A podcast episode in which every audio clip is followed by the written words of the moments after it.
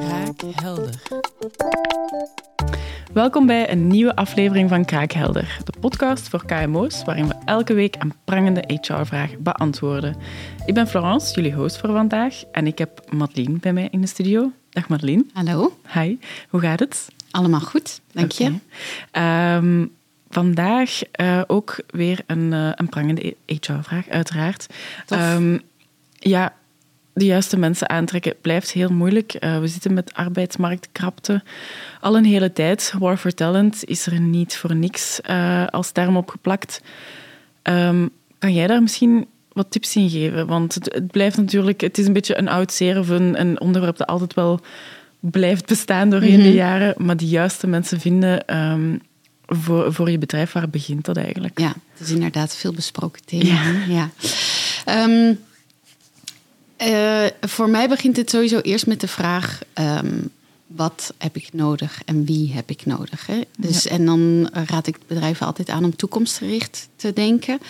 Um, wat we vaak zien is dat bedrijven zeggen: oh, ik heb gewoon handjes nodig, het moet vooruit gaan.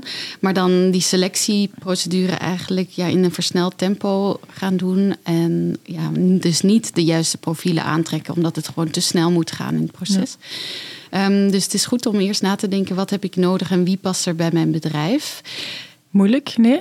Ik denk dat het misschien niet zo makkelijk is ook voor werkgevers die op zoek zijn naar snelle handjes om ja. Na te denken: wie, wie moet ik dan hebben? Allee, ja. om, om echt daar heel duidelijk een profiel op te plakken. Lijkt dat is wel, hè? dus het is, allee, dat ga ik ook nooit ontkennen. Het is echt wel heel moeilijk en het wordt eigenlijk ook alleen nog maar moeilijker om de juiste profielen of de juiste mensen te vinden. Maar als je even terugrefereren naar andere podcasts, als je weet wat jouw bedrijfscultuur is, als je weet, als je zegt van oké, okay, we hebben drie elementen die echt bij onze cultuur passen, die onze mm-hmm. mensen echt wel uh, ja, hoog in het vaandel dragen. Denk dan bijvoorbeeld aan klantgerichtheid of samenwerken. Wat betekent dat dan voor ons? Welke attitude van gedrag zit daarachter.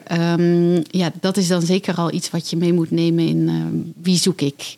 Ja. Uh, en dan heb ik het nog niet eens over de technische competenties. Ja, maar... inderdaad, want dat is al één ja. aspect of één luik. En ja. dan nog. Ja.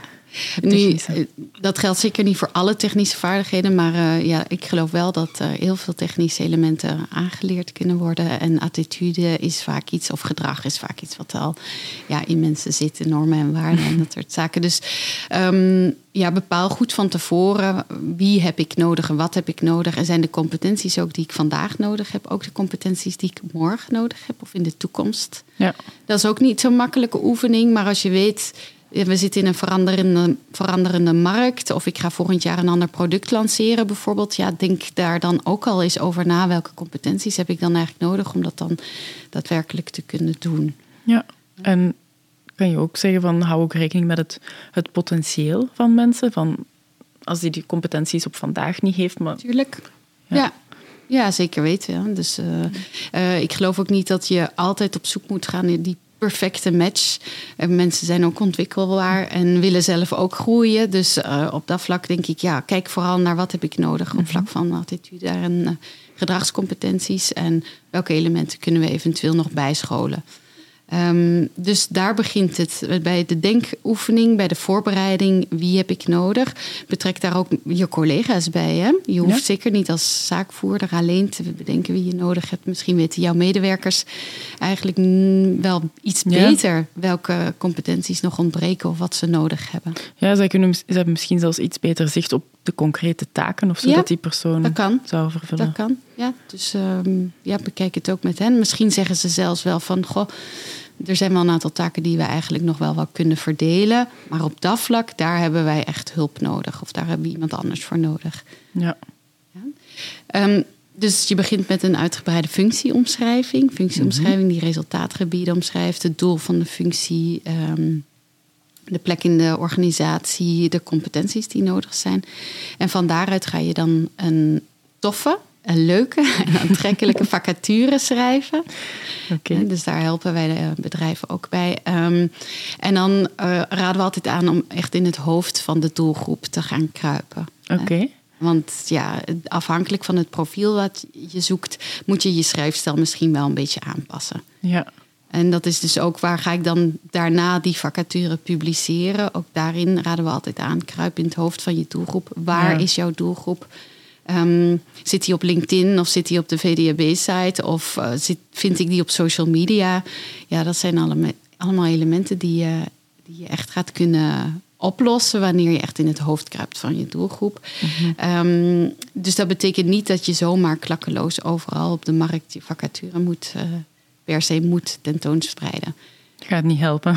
Ja, nee, ik zou echt gericht gaan, uh, gericht, je vacature gericht gaan zetten. En natuurlijk het uh, belang van employer branding, waar ja. Sarah het in, haar, in een eerdere podcast ook al over heeft gehad. Ja, dat is echt een essentiële voorwaarde om de juiste mensen over de streep te trekken, om de juiste mensen te vinden en te bereiken ook. Oké. Okay.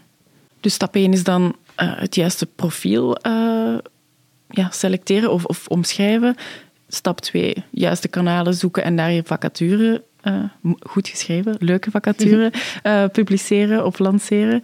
Um, hoe gaan we dan verder? Ja. Dus je hebt de wereld kenbaar gemaakt dat je een nieuwe collega zoekt. Hè? Ja. Uh, dus goed aan je visibiliteit werken. Ik kom ook heel vaak bedrijven tegen die zeggen: Ja, ja, ja ik, zoek, ik zoek altijd mensen. Maar daar, waar ik dan niks over terugvind op een website. Oh, dus okay. ja, zeer belangrijk. Um, en dan. Um, ja, hopelijk krijg je kandidaten binnen, want dat is tegenwoordig niet uh, direct meer een garantie. Dus je hebt eigenlijk twee ja. mogelijkheden. Of reactief en je wacht gewoon totdat je instroom krijgt.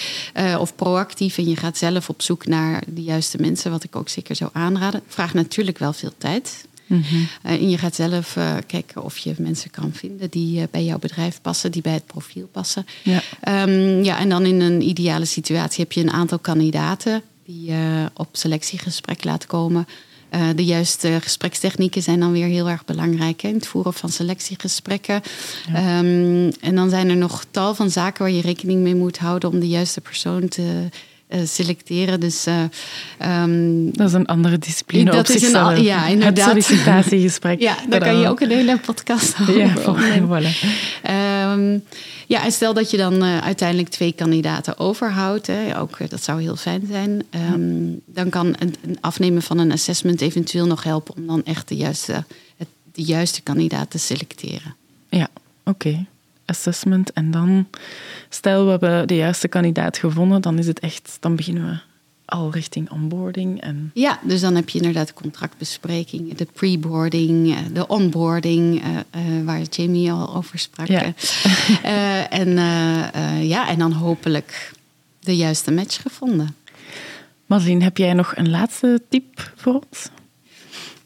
Um, wat misschien nog wel een goede is om mee te geven, is betrek collega's bij het selectiegesprek. Dus okay. hè, sowieso al bij het bepalen van wat hebben we nodig uh, kan interessant zijn. Maar ook het selectiegesprek. Um, ja, waarom niet? Laat het met de collega of betrek de collega erbij die met die persoon moet gaan samenwerken. Mm -hmm. Want jij kan dan als leidinggevende of als zaakvoerder wel overtuigd zijn. Maar ja, de collega moet natuurlijk ook wel uh, ja, daar een klik eigenlijk mee voelen. Of dat helemaal ja. zien zitten, die samenwerking.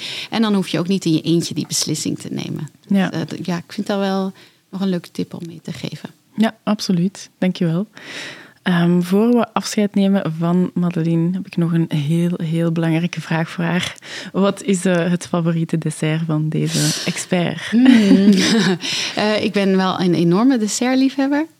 Uh, dus als ik, okay. zou, als ik het hoofdgerecht zou moeten overslaan voor het dessert, zou ik het meteen doen. Okay, uh, dus uh, mm, ik zou, vind het moeilijk om te kiezen daartussen. Een top 5 mag ook. Ja, nou, zolang er maar geen fruit in zit, want dat begrijp ik in een dessert niet. Maar, goed.